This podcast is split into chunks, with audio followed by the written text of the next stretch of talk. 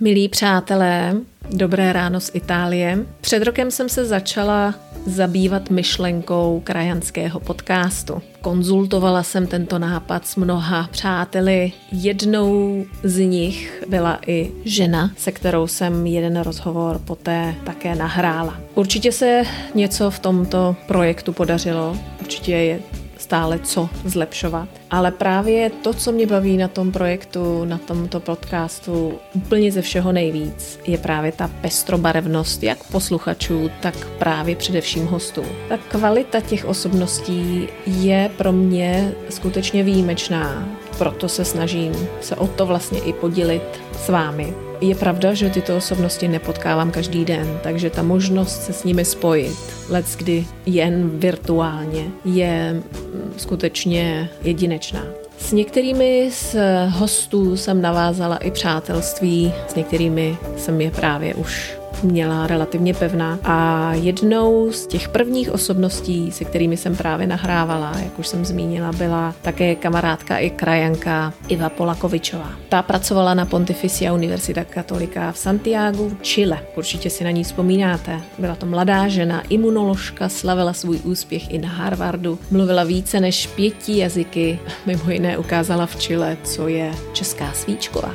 Nikdo netušil, že právě tento rozhovor se stane vzpomínkou na tak unikátní osobnost, jakou Iva bez zesporu byla. Bohužel Iva nás všechny velmi náhle a nečekaně 12. října opustila navždy. Rodina, včetně malé pětileté dcerky, přátelé i kolegové po celém světě, skutečně po celém světě, jsou v šoku. Iva byla bojovnice srdcem i myslí za trochu spravedlivější svět. Opravdu se snažila, byla aktivní v mnoha částech čilské společnosti a snažila si pomáhat tak, jak to dovedla. Opravdu jenom ona. Proto ji chci věnovat vzpomínku a publikuji znovu rozhovor, ve kterém tak vášnivě povídala o jejím životě, nejen v Chile. Ivo, děkujeme ti za vše. Kéž najdeš svůj zasloužený klid.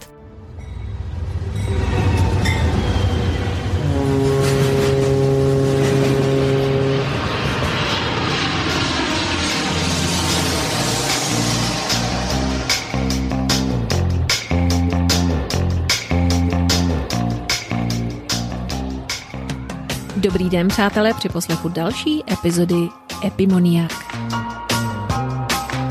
Dnes hovořím s mladou krajankou, která žije momentálně v Santiago de Chile. Vášeň, s kterou hovoří o své profesi, velmi rychle nasaje snad každý, kdo se s ní ocitne v kontaktu. Iva Polakovičová totiž žije vědou. Vystudovala biochemii na Karlově univerzitě v Praze a zakončila doktorátem z imunologie. Pracovala na výzkumech v Massachusettské nemocnici u prestižní Harvardské univerzity a nyní se specializuje na brzkou detekci žaludečního karcinomu na nejdůležitější vysoké škole Chile Pontificiat Univerzita Katolika. Iva kromě své práce také občas doučuje místní děti nejen cizí jazyky, neboť hovoří plyně pěti, ale učí rovněž chemii, matematiku, obzvláště ty děti, které trpí dyslexí a dysgrafií. A co víc, Iva ráda vaří. A svou verzi klasické české svíčkové ukázala milionům čilanů, neboť se dostala do známého televizního programu Cocina sin fronteras. Kuchyně bez hranic. Já s Ivou hovořím právě o její vášně pro vědu, co jí přivedlo do Chile a jaké byly její začátky. Jak se právě tam dělá věda? Tam se jí například, jak vnímá čilský zdravotní systém v porovnání s tím českým jak definuje osobní a profesní úspěch a co jí žene dál? Já doufám, že vás tento rozhovor natchne, tak jako mě, a zahřeje, že naší malou zem reprezentuje daleko za hranicemi vlasti i tato neobyčejně vědou nadšená mladá žena. A teď už dám prostor Ivě. Ivo, vítej, děkuji, že jsi přijela mé pozvání. Ahoj Aleno, děkuji, že jsi mě pozvala. Začala bych asi jednoduše. Z kterého města v Čechách tedy pocházíš a kde se prosím tě vzala ta vášeň pro tvou vědu? Tak, já jsem z České Lípy, ta vášeň pro vědu. Já myslím, že to začala už, když jsem byla malá, že jsem měla vždycky na všechno strašně moc otázek. A vždycky mě hrozně štvalo, že moje mamka mi je nedokázala odpovědět a některý ani taťka. No a vždycky mi říkali, že musím počkat, až vyrostu, až prostě budu větší, až tomu budu víc rozumět a tak. No a pak eh, to začalo tak, že jsme měli úžasnou učitelku na chemii na základce, která prostě to všechny ty věci uměla nádherně vysvětlit a bylo nás tam víc, který ty hodiny opravdu strašně moc bavily a dělala i kroužek chemie navíc. No a potom na Gimplu jsme měli úžasného učitele na biologii a to byl učitel, který dokázal motivovat i ty největší flákače, protože v naší třídě bylo jako, byly takové holky, které eh, moc o to učení nestály a tak, ale špatnou známku z biologie nechtěl mít nikdo, protože ten učitel byl prostě úžasný. I holky, který prostě na začátku vůbec je to nezajímalo, tak nakonec třeba i tu biologii studovat. To si myslím, že spousta věcí v tom životě ovlivňuje, když, má, když se člověk s někým takovýmhle potká, tak v mém případě to byly určitě tyhle ty dva učitele, který mi pomohli v tom, že jsem nakonec končila u té vědy, pak jsem šla studovat biochemii na Univerzitu Karlovu, tomu jsem dělala doktorát z imunologie taky na Univerzitě Karlově a pracovala jsem, nebo tu diplomovou, tu doktorskou práci jsem dělala na Ústavu molekulární genetiky v Krči v Praze. Mm-hmm. Z Prahy do Chile je to docela několik tisíc kilometrů. A jak jsi se dostala do Chile? Tak to byl takový trošku souhrn těch náhod, protože člověk při tom doktorátu prostě pracuje strašně moc. Je to takový za málo peněz održí strašně moc práce. Jsem ještě během toho doktorátu byla na půl roku v Americe, kde to teda bylo úžasný. Jsem byla uh, v Bostonu na Harvardu a byl to jako Harvard a Massachusetts General Hospital, to bylo všechny dohromady, to patřilo k sobě. A bylo úžasný prostředí, strašně se mi to líbilo, ale my jsme tam přiletěli. Za první dva měsíce jsme neměli ani jeden den volno a furt jsme takhle prostě pracovali, jako bylo to úžasný, ale já jsem si tak nějak jako říkala, že nechci svůj život strávit eh, za něčím se takhle strašně honit. A pak se třeba ve 40 zbudit, v 45 a říct si, Ježíš co si dělala, když si se furt jenom honila za něčím. Tak jsem si řekla, že by se mi líbilo prostě tu vědu pojmout taky trošičku jako alternativnějším způsobem, jako dělat to, protože mě to baví, ale ne se prostě tím uhonit a honit se zatím být nejlepší ale prostě dělat něco, co někomu může pomoct a zároveň také, abych si to užila a abych si já mohla užít ten svůj život. A tak se mi prostě ta Latinská Amerika jevila jako taková zajímavá alternativa i k tomu, že mě vždycky zajímalo tu Latinskou Ameriku procestovat. Takže pak z toho sou, souhrn takových náhod vyplynulo to Chile. Mm-hmm. Ale proč zrovna Chile? Protože Latinská Amerika je přece jenom dost veliký kontinent. Máš i Brazílii, Peru, ty jsou v podstatě taky velmi často objevované destinace. Tak, Peru vědeckého hlediska je na to velice špatně. Tam se dává do té vědy ještě mnohem méně peněz než v Chile, takže to by bylo opravdu dost zoufalý. Brazílie jo, to jo, ale nějak Brazílie mě neláká, ale Brazílie určitě do vědy jako e, dává dost peněz, to je pravda. V Latinské Ameriky nejvíc a má opravdu místa i úžasný vědce, to zase jako opravdu musím říct. Ale hlavně já už jsem uměla španělsky, takže, e, takže když se chtěla zemi, kde se mluví španělsky, no a pak teda k tomu i přispělo to, že jsem měla přítele, který, který byl z Chile, takže jsem si tak řekla, dobře, tak já když najdu nějakou zajímavou práci v tom Chile, tak tam na nějakou dobu půjdu, uvidím, co potom. A co to znamená nějaká doba? Jak dlouho už jsi v Chile? No, už to bude skoro pět let. A jak by si popsala vlastně tvoje první pocity, když jsi se dostala do Chile? Jako na jednu stranu byly věci, za kterých jsem byla pozitivně překvapená, pak to bylo takový to rozčarování, takový to klasický, že člověku něco naslibuje a pak se to nesplní, že jo. A, ale jako co mě vždycky překvapilo, bylo to, jak mě ty lidi všude na těch univerzitách, kde jsem třeba byla, když jsem na začátku, tak všude mě strašně velice pozitivně přijali a když jsem něco potřebovala, tak vždycky všude všichni byli velice otevření, vždycky mi jako pomohli. To mě velice potěšilo. Mm-hmm. Takže si neměla vůbec takový ten pocit, že jakoby cizinka, eh, respektive tady tomu říkají gringo, si nebyla nějakým způsobem přijata. Ne, to ne, to, to, to jsem jako byl, byla pozitivně překvapená a pak jsem taky byla velice pozitivně překvapena uh, u někter, jako od některých studentů, se kterými jsem se potkala, tak jak byli jako motivovaní.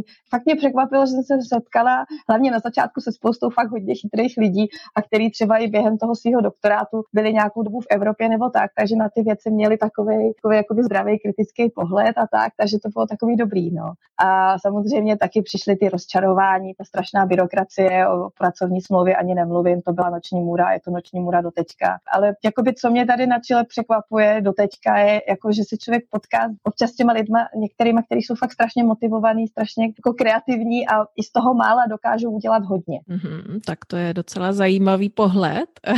Neříkám, že to jsou všichni, samozřejmě. Taky znám ty líny a tak, ale já teda musím říct, že jsem si od začátku trošku držela takový odstup, že já prostě pracuji a spolupracuju s těma, od kterých vím, že od nich můžu očekávat výsledek. A zásadně se vyhýbám těm línejm, jako samozřejmě, že ty líny taky jsou. Ale já jsem si prostě vytvořila takovou svoji síť spolupracovníků, nebo třeba i ty studenti, kteří pracují se mnou, tak sami za mnou přišli, protože viděli, jak pracuju, nebo viděli výsledky od jiných, nebo mě viděli, jak prezentuju a líbilo se jim, co dělám, líbilo se mi, jaký mám přístup. A já myslím, že uh, v mé síti spolupracovníků mám takový ty lidi víc tou evropštější mentalitou určitě. Takže ty v podstatě je vědomě či nevědomě do, do určité míry motivuješ svojí pracovitostí. To doufám. Ty jsi zmínila, že se v Chile víceméně, nebo takhle, se nedotuje moc věda v Chile. Myslíš si, že se porovnání v podstatě s Peru, myslíš si, že se dotuje ještě méně nebo více v porovnání s Českem? Jak, jak by si to viděla? Ano, v Čechách se rozhodně dává do vědy víc peněz, i když na Evropskou unii je to málo, jako oproti průměru Evropské unie, tak v Čechách je to málo, ale v Chile se dává asi třetina toho, co se dává v Čechách. Já teďka musím se přiznat, že přesně nevím, jak je to v Čechách, protože jak už tam tak dlouho nejsem, tak to nemám úplně přesně, už to tak přesně ne, nemůžu porovnat. A co jsem tam teďka byla naposledy v září, tak mi šéf říkal, bývalý můj šéf, že se to, že, jako, že se to začíná zlepšovat zase, tak nevím. Já když jsem vlastně z Čech odcházela před těma pěti lety, tak to bylo takový trošku na úpadku. Vlastně tenkrát za vlády Topolánka se prostě strašně peněz vzalo vědy a zrovna když ta věda v Čechách dle mého názoru začala prostě tak trošku jako nabírat a rozkvítá a začalo se do té vědy dávat trochu víc peněz, tak se to utlo a prostě se vytvořila taková ta taková krize v té vědě a myslím si, že, že to bylo bohužel takový smutný období a teď mi připadá, co jsem se tak bavila, že to začíná zlepšovat zase, tak doufám, jako držím České republice palce, protože lidi tam jsou šikovní a doufám, že víc se jich taky do těch Čech zpátky bude vracet a ne všichni ty mý kamarádi, co znám, co se s těžkým srdcem do Čech vrací, protože všude jinde se mají líp než v Čechách. A teď jsem se teda trošku oddálila od tématu, no. ale v tom Chile je to málo těch peněz tady a granty, co tu jsou, tak vlastně vůbec nezahrnují výplatu toho vědce. Nebo úplně jako minimální část. Je to jenom o tom, že ty univerzity tomu člověku musí dát smlouvu a každá univerzita si může dělat prakticky co chce. Mm, ty jsi zmínila, že máš právě problémy s eh, pracovní smlouvou, nebo že jsi měla problémy. Bez toho, aniž bych se samozřejmě nějakým způsobem chtěla vrtat eh, v detailech, to jsou osobní věci, nicméně můžeš nějak nastínit, v čem může spočívat problém, nebo je to problém obecně všech těch vědeckých pracovníků, nebo jenom toho, že ty jsi vlastně v podstatě cizinka, že jsi na, na jiném statutu než Čilan? Je to problém obecně. Bohužel eh, jako moc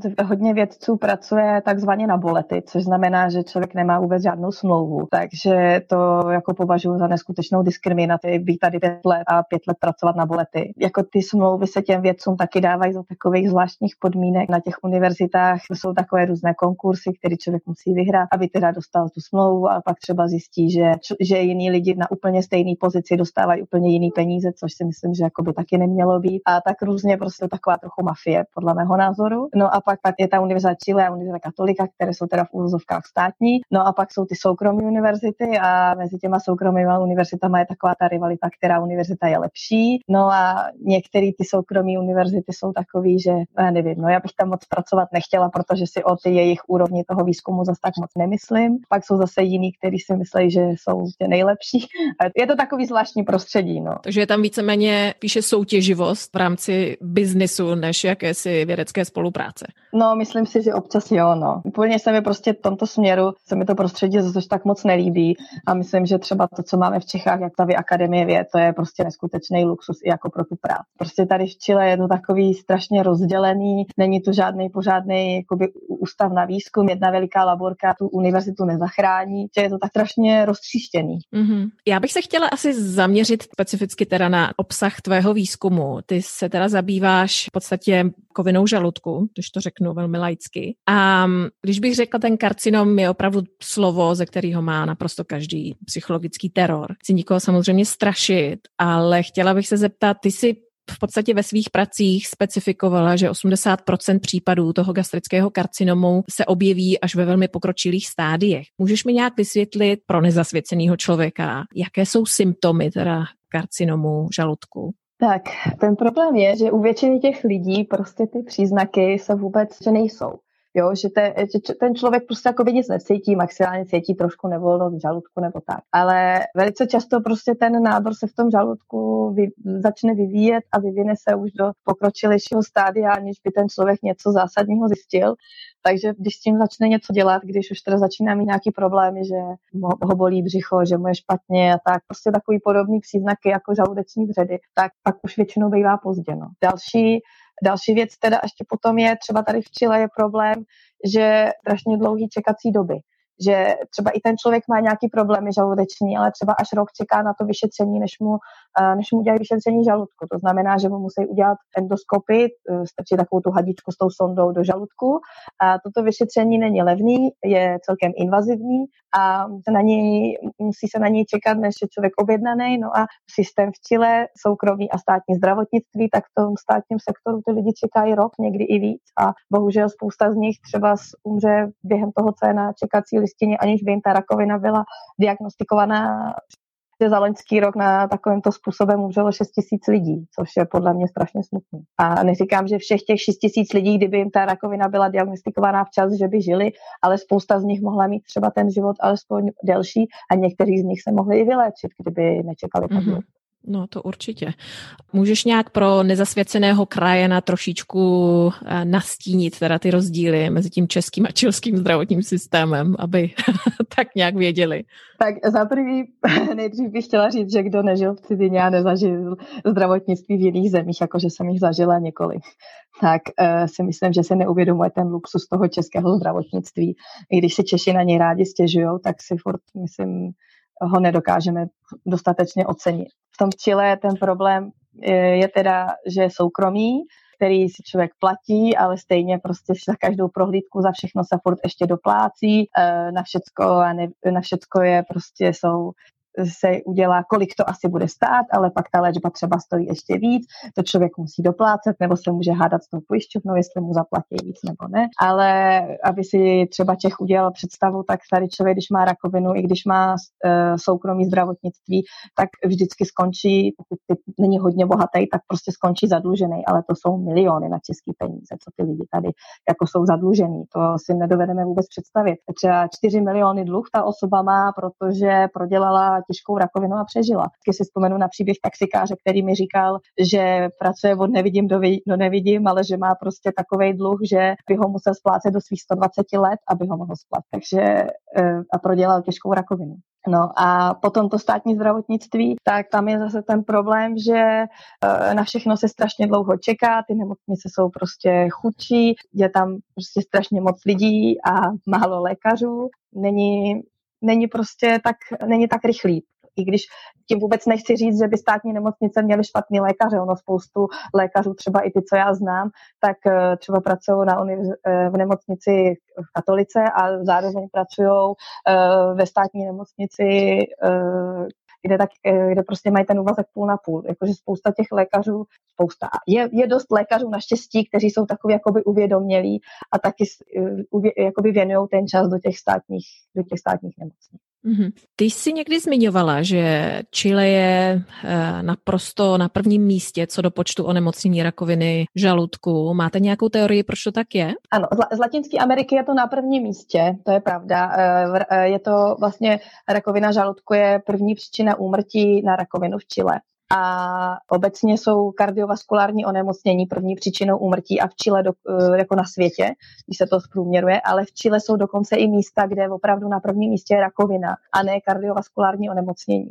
A právě z té rakoviny vede ta rakovina žaludku, což eh, je to takový zvláštní, protože ta rakovina žaludku má takový specifický jakoby geografický výskyt eh, směrem jakoby ten pás těch kordier, ten pás těch ant a mnohem víc se vyskytuje jakoby v těch, jak, v těch vyšších oblastech a méně při pobřeží. Třeba Kostarika, která je rozdělená půl na půl, tak vlastně na, na pobřeží vůbec nemají tu rakovinu prakticky. A všechna je celá lokalizovaná jenom do, do toho pásu těch uh, ant. A tady v Chile taky jsou regiony, hlavně, eh, hlavně směrem na jich od Santiago, kde je velice zvýšený výskyt rakoviny. A já si myslím, že to jako celosvětově oproti třeba Evropě a Americe, tak to souvisí taky samozřejmě se stravou, se životním stylem, protože tady se jí strašně moc masa, všechno se strašně moc solí a to maso se dělá, to je jejich slavný asádo, který podle mého názoru většina lidí ho dělá připálený. Připálený maso je prostě karcinogen, to je prostě rakovinotvorný.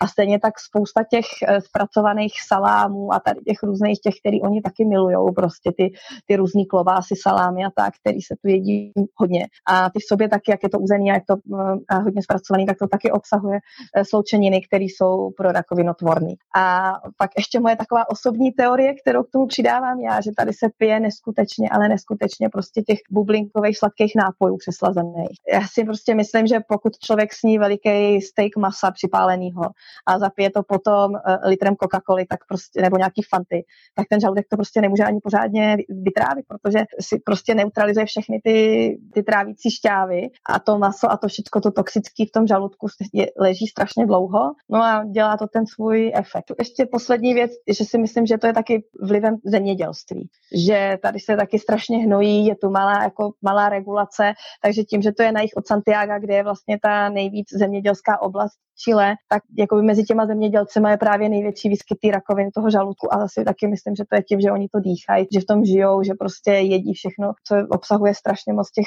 chemikálií taky. To je zajímavé, že to zmiňuješ, protože já jsem kdysi dávno pracovala s jedním pánem, který měl pole uh, nějakých plodin blízko Talky, jenom uh, pro uh, přiblížení našim krajanům. Uh, je to místo já nevím, asi tak tři hodinky od Santiago na jich. Povídal mi, že ti pánové, kteří pro něj pracovali údajně, tak když teda měli nějakým způsobem hnojit, tak to museli dělat na večer. A, a ty sudy, které vlastně používali i na to hnojení, tak museli právě v noci někam vždycky jakoby uklidit, protože čas od času přišla kontrola právě tady z tohohle důvodu, aby se ne, nenašlo něco, co není už nějakým způsobem uzákoněné. Takže asi máš v tomhle pravdu. No já myslím, že jakoby to, co se vyváží do světa, tak to samozřejmě musí splňovat ty podmínky těch hnojiv, které se smějí vyvážet do Evropy, do Ameriky a tak. Ale prostě jako tady fakt se strašně hnojí. To jako s více lidma i lidi, co jsou prostě z oblasti oblasti biologie a tak, když se o tom bavíme, tak všichni říkají, že to je strašný prostě. Mm-hmm.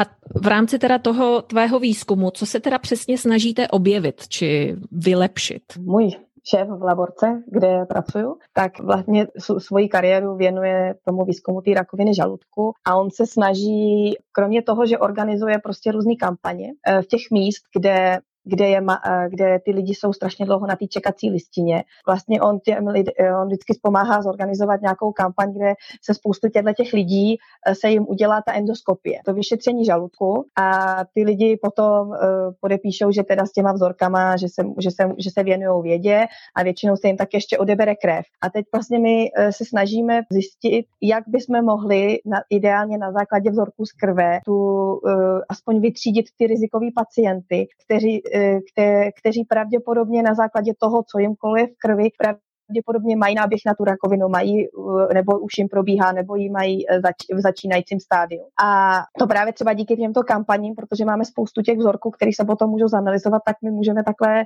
takhle zjistit, v čem se liší ta krev od těch, který potom díky té endoskopii jsou jako, diagnostikovaní jako, že jsou zdraví a oproti těm, kteří mají diagnostikovaný nějaký změny té sliznice v tom žaludku nebo nějaký počáteční stádium té rakoviny. Takže my se vlastně jakoby snažíme přispět k tomu, aby ta rakovina mohla být detekovaná neinvazivním způsobem a v časném stádiu. Mm-hmm. Tak to vám budu držet palce. Myslím si, že to je samozřejmě otázka prevence každého člověka, samozřejmě pak, když jenom neřekne, že ho bolí žaludek a, a zapije to sodou. Ty jsi zmínila samozřejmě dietu. Já bych asi to trošičku stočila na, na dvě věci. Co ty by si osobně, samozřejmě v rámci možná svých osobních preferencí, ale taky v rámci širší osvěty co do nutricí, co ty by si doporučila a pak bych se ještě vrátila, nebo spíš naznačila našim krajanům, tvé zviditelnění v čilské televizi. Tak nám něco doporuč. Tak ohledně té stravy, tak jako je to tak, že vlastně, teď nemluvím jenom o rakovině žaludku, ale je, už jsou studie, které ukazují, že 30 až 50% rakoviny se dá předejít zdravým životním stylem, který hlavně zahrnuje zdravou stravu. To, eh, a samozřejmě potom taky to zahrnuje včasnou, taky včasnou detekci. Ty, ta, jako, ne, neříkám, že všechny rakoviny, ale spousta rakovin se taky dá vyléčit tím, když se včasně detekují, když ty ženy se kontrolují opravdu, když se eh, rakovina prsu objeví v počátečním stádiu, tak prakticky většina těch případů je léčitelná. A když se vrátíme k té stravě, tak prostě jíst hodně zeleniny to je na prvním místě, hodně zeleniny a snížit konzumaci masa. To už jsou prostě tolik studií, které dokazují, že tohle to jsou takový dva nejhlavnější faktory v tom rozvoji té rakoviny. Potom taky, když mluvíme o tom masu, tak já si třeba nemyslím, že úplně striktně člověk musí být vegetarián, ale měli bychom si uvědomit, že to maso dřív se takhle nejedlo v takových strašných kvantitách, jako se jí teďka. Ten prostý člověk neměl, neměl maso třikrát za den jako teďka, že uh, někdo si dá k snídani salánku, obědu maso maso a k večeři zase maso. To takhle dřív nebylo.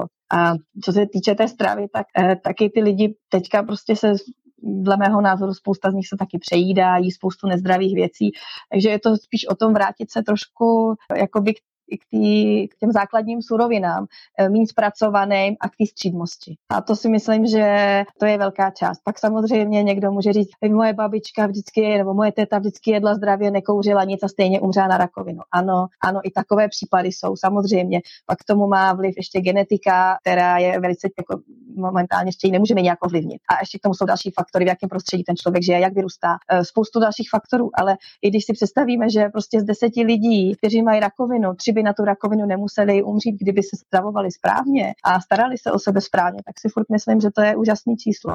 Mm-hmm.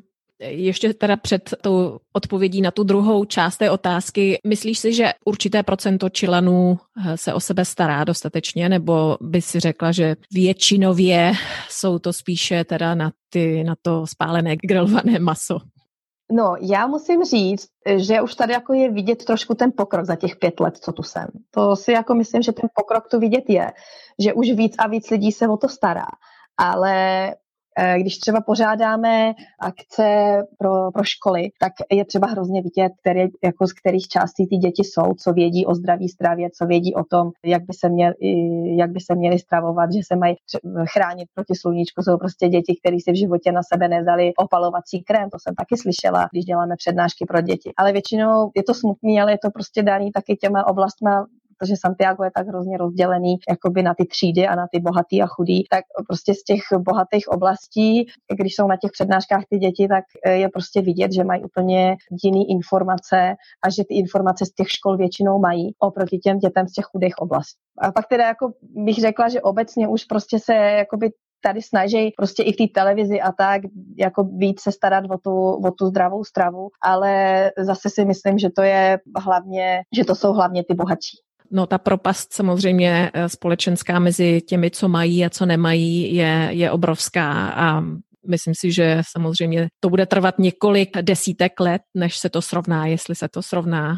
Já myslím, že se to těžko může srovnat a třeba Čech si to vůbec nedovede představit, tu neskutečnou, tu neskutečnou propast. Já vždycky říkám, v Čechách se tím může stát, že jako normální člověk chodíš do třídy se synem nějakého politika, ale tady v Chile mm. to je prakticky nemožný. To, to je prostě tak rozdělený, ty, ty lidi, kteří mají peníze, žijou v tak úplně jiném světě, že normální člověk se k ním vlastně vůbec nemá šanci jak dostat. To je pravda, to je pravda. No ale pověs nám prosím tě něco o tvé vášni k vaření.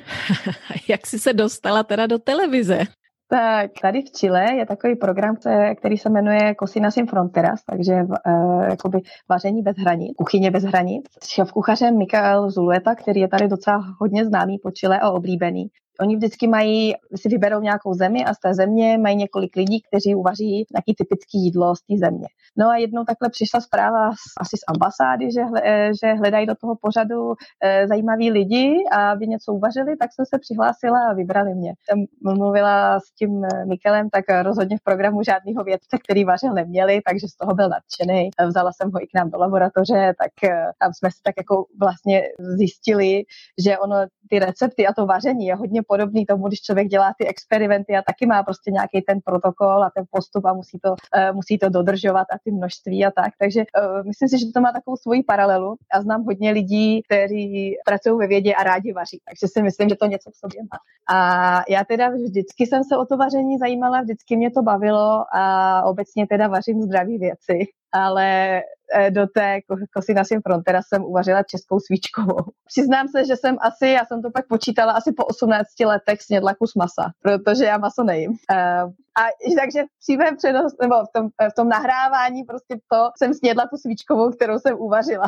Opravdu asi 18 let jsem nejedla maso. No a pak odešel natáčecí tým a mě bylo těžko od žaludku, protože ten žaludek na to samozřejmě není zvyklý.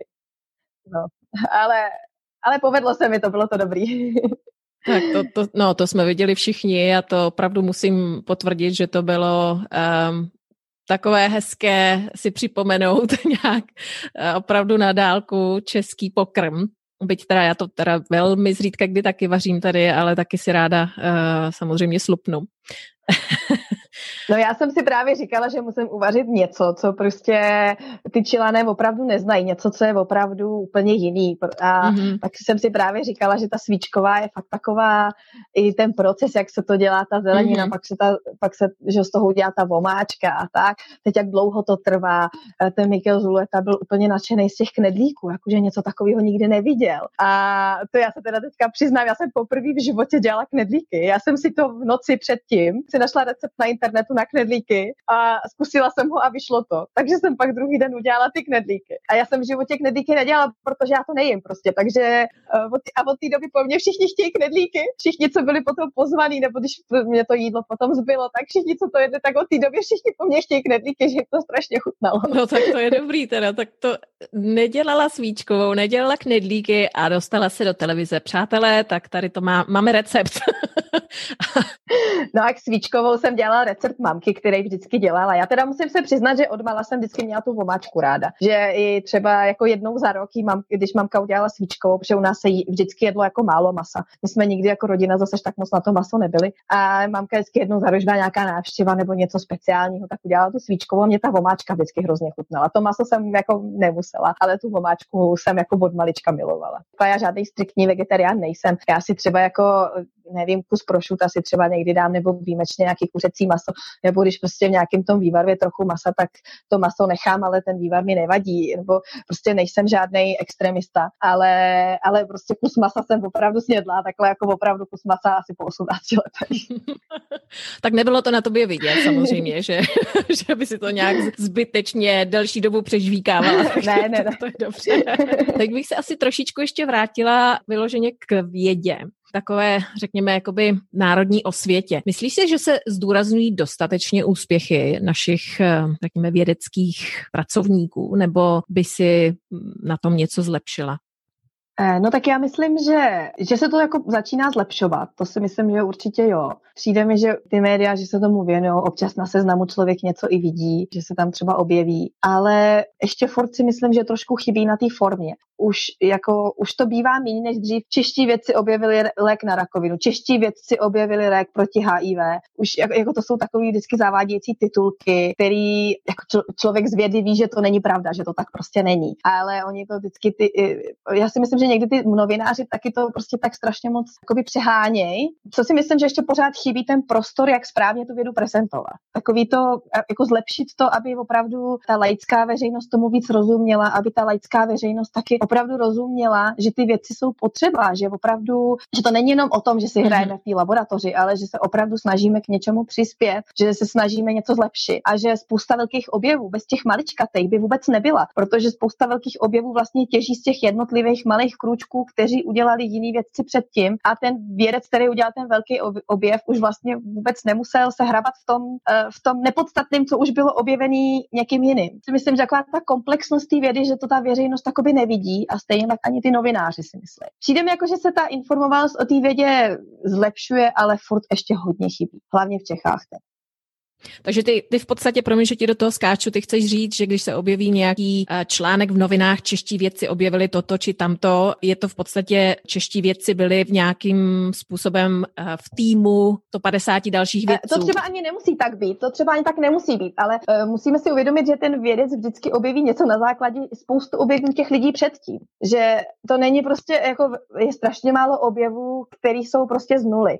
Dobře, penicilín byl vynalezený prakticky z nuly, ale třeba teď, když se dělají ty různé terapie, nádor, ty nový, uh, nádorové terapie, ty nové léčby, tak to všecko je na základě neskutečných pokusů a omylů strašně moc vědeckých týmů, který neuspěli a někdo ho prostě přišel s lepším nápadem, ale přišel s lepším nápadem na základě toho, že mhm. spousta z nich už třeba zjistilo, že spoustu těch jiných nápadů nefunguje nebo mají nějaký problém. A potom teda samozřejmě jako velice často je to i spolupráce mezinárodní, že jako bez té to taky v té vědě moc nejde. Mm-hmm. Ty jsi zmínila před chvilinkou, že často v podstatě chodíte i mezi děti, mezi školáky a, a mluvíte, samozřejmě děláte jakousi osvětu. Jak se díváš na šíření vědy mimo klasickou akademii, teda se tomu říká samozřejmě public outreach nebo v Chile diffusion scientifica. A jak by si to porovnala s českou osvětou?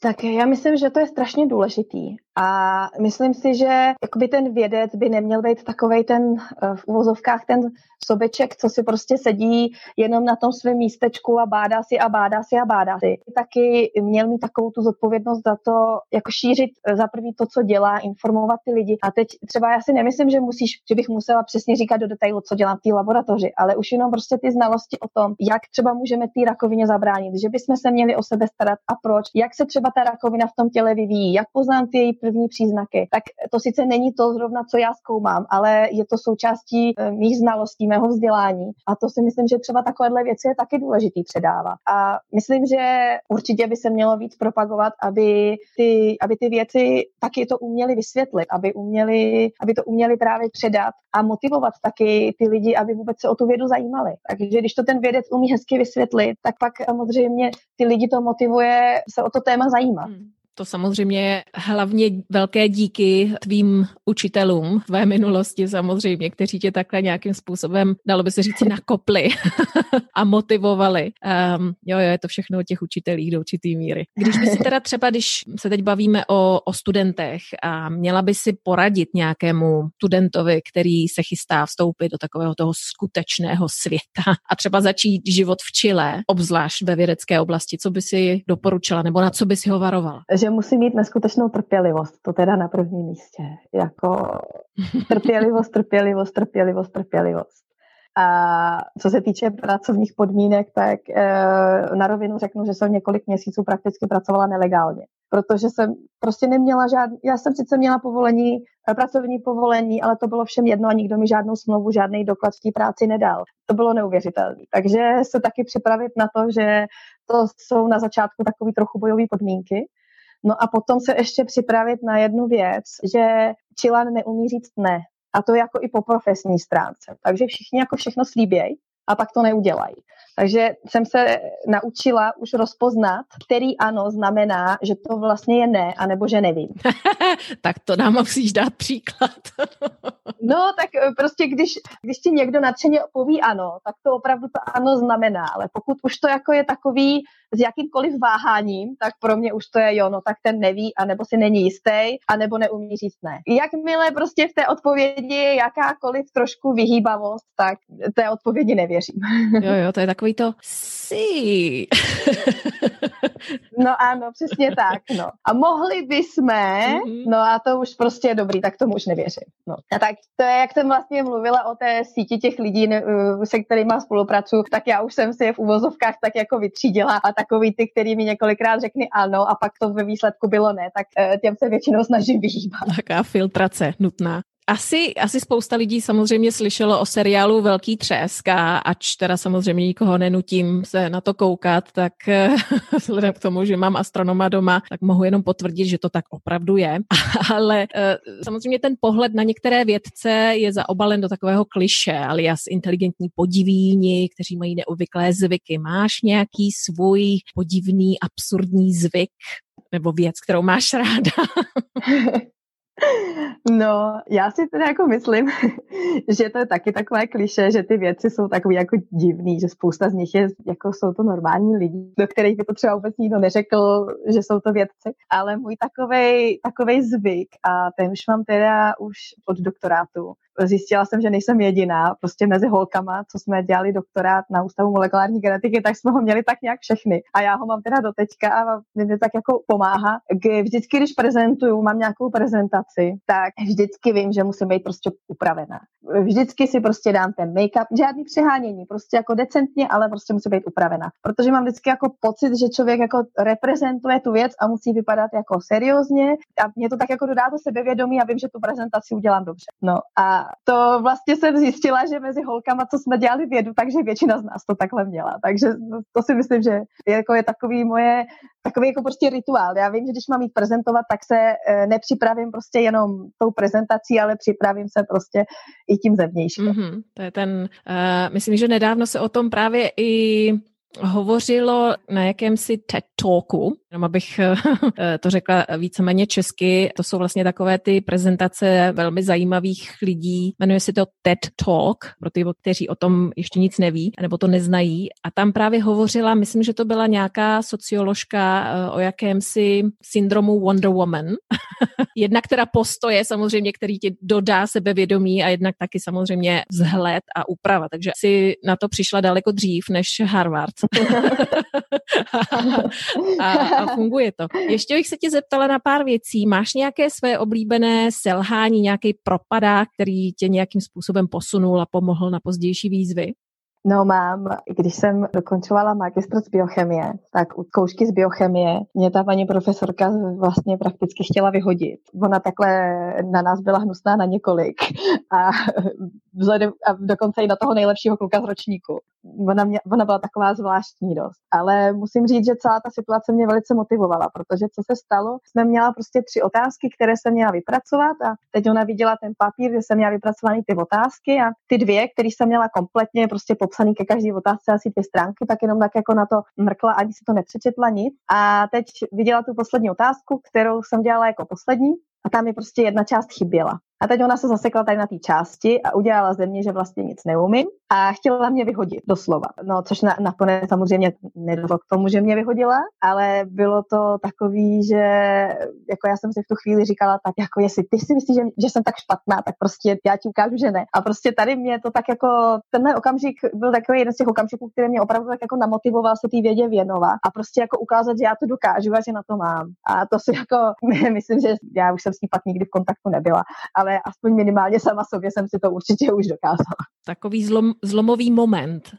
No určitě, bylo to takový opravdu, že mě to tak jako namotivovalo, že někdy opravdu, když jakoby se tě někdo snaží hodně schodit, mm-hmm. tak člověk se prostě může, může zahrabat, že jo? Mm-hmm. A nebo se prostě opravdu může povstát, zvednout a říct si, ne, já to prostě dokážu. Mm-hmm. A když teda jsme u těch úspěchů, jak ty by si osobně uh, definovala úspěch? Samozřejmě nemusí to být nutně materiální a to já bych chtěla nějak jako tady poukázat, že pro každého to znamená něco jiného. No já si myslím, že strašně moc lidí ten úspěch vidí právě hrozně materiálně, jak to ty říkáš. A takový to strašný honění se za úspěchem. Myslím si, že jako třeba i v Čechách je to takový, jako že eh, jako část té společnosti se fakt jenom honí za tím úspěchem a snaží se být strašně, strašně úspěšný a ani se nezastaví nic a jenom prostě honí ty, jakoby, eh, ty jednotlivé schůdky toho úspěchu. Ale já si myslím, že prakticky úspěch je to, když je člověk, člověk dokáže žít ten svůj život takovým způsobem, že je sám se sebou spokojený. Já taky vždycky tak jako říkám, že je důležité se ráno na sebe podívat do zrcadla a říct si, jo, to jsem já, nestydím se za sebe. Mm.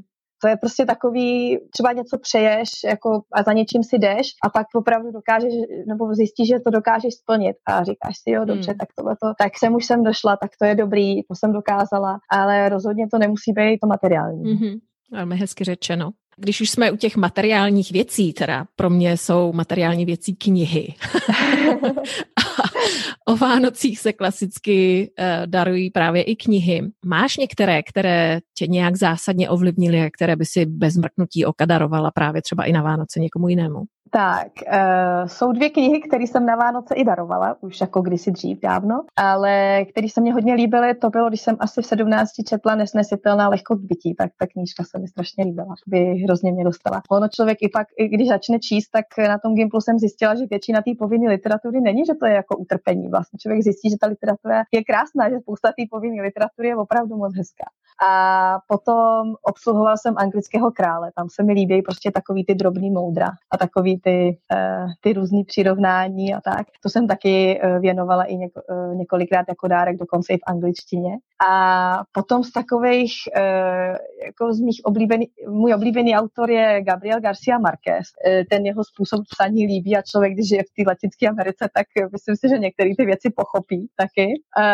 Takže tomu já se tak vždycky jako občas vnitřně mm-hmm. směju, nebo je nějaká situace a vzpomenu si třeba na 100 roku samoty a tak, nebo láska za časů cholery. A potom knížka, která mě jako hodně dostala a hodně překvapila, tak to je Salman Rushdie, když jsem četla, eh, když jsem četla Clown Salima. Tak to mě opravdu překvapilo, protože to byla první knížka takového druhu. Úplně jako mě překvapilo, jak eh, za prvý ta jeho literární úroveň, jak krásně píše, ty věci, jak krásně popisuje to prostředí, ty vztahy těch lidí a on tam nádherně vylíčil Kašmír a ty problémy a vlastně jak té nádherné harmonické oblasti, co všechno se tam potom stalo, ty všechny konflikty, problémy, které my prostě jako z toho západního světa tomu můžeme těžko rozumět. A vlastně tam i vylíčil to, jak, jak se může zrodit taková neskutečná nenávist, eh, to neskutečný násilí a eh, nechci teď to nějak obhajovat, ale člověk, jakoby, když čte tu knihu, tak tomu jako začíná tak jakoby trochu rozumět, začíná to tak jako trochu chápat a snaží se jakoby trochu cítit do těch, proč se to tak děje. I když my tím, že máme úplně jinou kulturu, tak je těžký se s tím totožnit. A co se týče nějakých knih eh, ohledně Chile nebo Latinské Ameriky, krom teda toho uh, Jsou to dvě knížky a u jedné se nepamatuju teďka. Jak se jmenovala? O, to je uh, takový jakoby drobný cestopis od, myslím si, že asi z 90. let. Taková tenouká knížka, kde ten Čech popisuje, jak Eh, vlastně stopy, stopy Čechů v Chile, nebo tak nějak se možná jmenuje ta knížka. Mě mapuje uh, různé Čechy tady v Chile, jak sem přišli ty jejich životní osudy a většinou se jich ptá na zkušenost se zemětřesením a u některých taky mluví uh, o zkušenosti s Allendem, o zkušenosti s Pinochetem a s tou diktaturou. Uh, to je taková, uh, ona je velice nepoliticky napsaná ta knížka, on tam prostě opravdu vždycky převypráví jenom ten příběh té osoby. Uh, tam, mě, tam mě hrozně bavila, ale je pravda, že už jsem ji četla před spoustou let, asi tak před 6 lety, takže už si ji ne, bohužel nespomenu, jak se jmenovala. A potom vyhledáme. knížka, kterou mám momentálně rozačtenou, Jarka Stuchlíková, Indiáni, politici a plukovníci. Ta je teda úžasná, ta knížka. A to, co tam vlastně paní Jarka Stuchlíková píše, eh, popisuje situaci v roce 69, tak já si myslím, jako, že jsou tam, je tam tolik věcí, které je aplikovatelný na tu českou společnost do teďka, že vždycky něco čtu a normálně se to v té knížce musím potrhávat a směju se tomu. A pak to třeba některé ty věci vezmu do práce a občas to třeba z práci i kolegům nebo šéfovi vždycky čtu a, a smějem se tomu společně. Já teda jako ne, nevím, jestli říct smějeme, ale prostě jako bohužel je to opravdu tak výstižný, že prostě všichni chtějí dělat revoluci. Eh, latinská, revo, eh, prostě Latinská Amerika je posedlá tím, že všechno se musí dělat revolucí. No. Hmm. Obzvlášť samozřejmě eh, momentální situaci, kdy Chile prochází opravdu společenským tsunami. Hmm. Ano, ano, ano. Jo, všichni chtějí dělat revoluci, ale nikdo nemá žádný řešení, ale hlavně musíme být revolucionáři. No.